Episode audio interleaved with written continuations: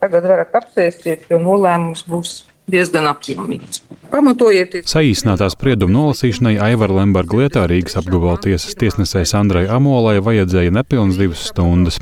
Apelācijas instance lēmus Lembergam piespriest četrus gadus cietumā un mantas konfiskāciju. Šajā sodā ieskaitīts apcietinājumā un mājas arestā jau pavadītais laiks - teju divi gadi. Tiesa lēmus, ka pēc sprieduma stāšanās spēkā atcels Lembergam noteikto drošības līdzekli, drošības naudu un liegumu vadīt Ventspils domi. Savukārt Lemberga dēlam Anrijam tiesa piesprieda vienu gadu un 11 mēnešus ilgu cietumsodu, kā arī mantas konfiskāciju. Arī Lemberga biznesa partnerim Ansim Sormulim apgabala tiesa piesprieda vienu gadu un 9 mēnešus ilgu cietumsodu un mantas konfiskāciju. Visu trīs apsūdzēto attiesājumās mantas uzskaitījumu nolasīšanai vajadzēja visvairāk laika. Tās skar gan uzņēmumu daļas un akcijas, gan nekustamo un kustamo īpašumu Latvijā un ārzemēs. Apsūdzētie, viņu aizstāvji un prokurori tiesas lēmumu noklausījās attālināti. Pirms diviem ar pusi gadiem pirmās instances Lembergam piespriestais sots bija bargāks - 5 gadi cietumā, 20 tūkstoši eiro naudas sots un mantas konfiskācija.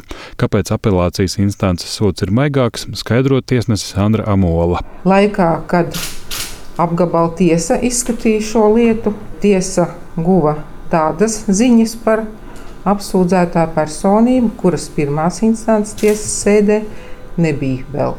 Bet nu, konkrēti mēs šodien jums neatklāsim tieši kas ar veselību. Jā, tas nebūtu pareizi, bet tas ir pamats arī samazināt sodu.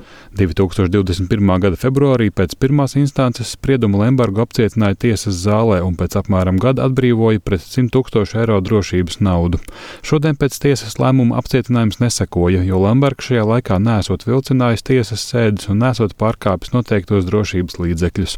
Atbilstoši tiesas lēmumam Lembergs atzīts par vainīgu kukuļņemšanā, naudas atmazgāšanā, neatļautā dalībā mantiskā darījumā, dokumentu viltošanā.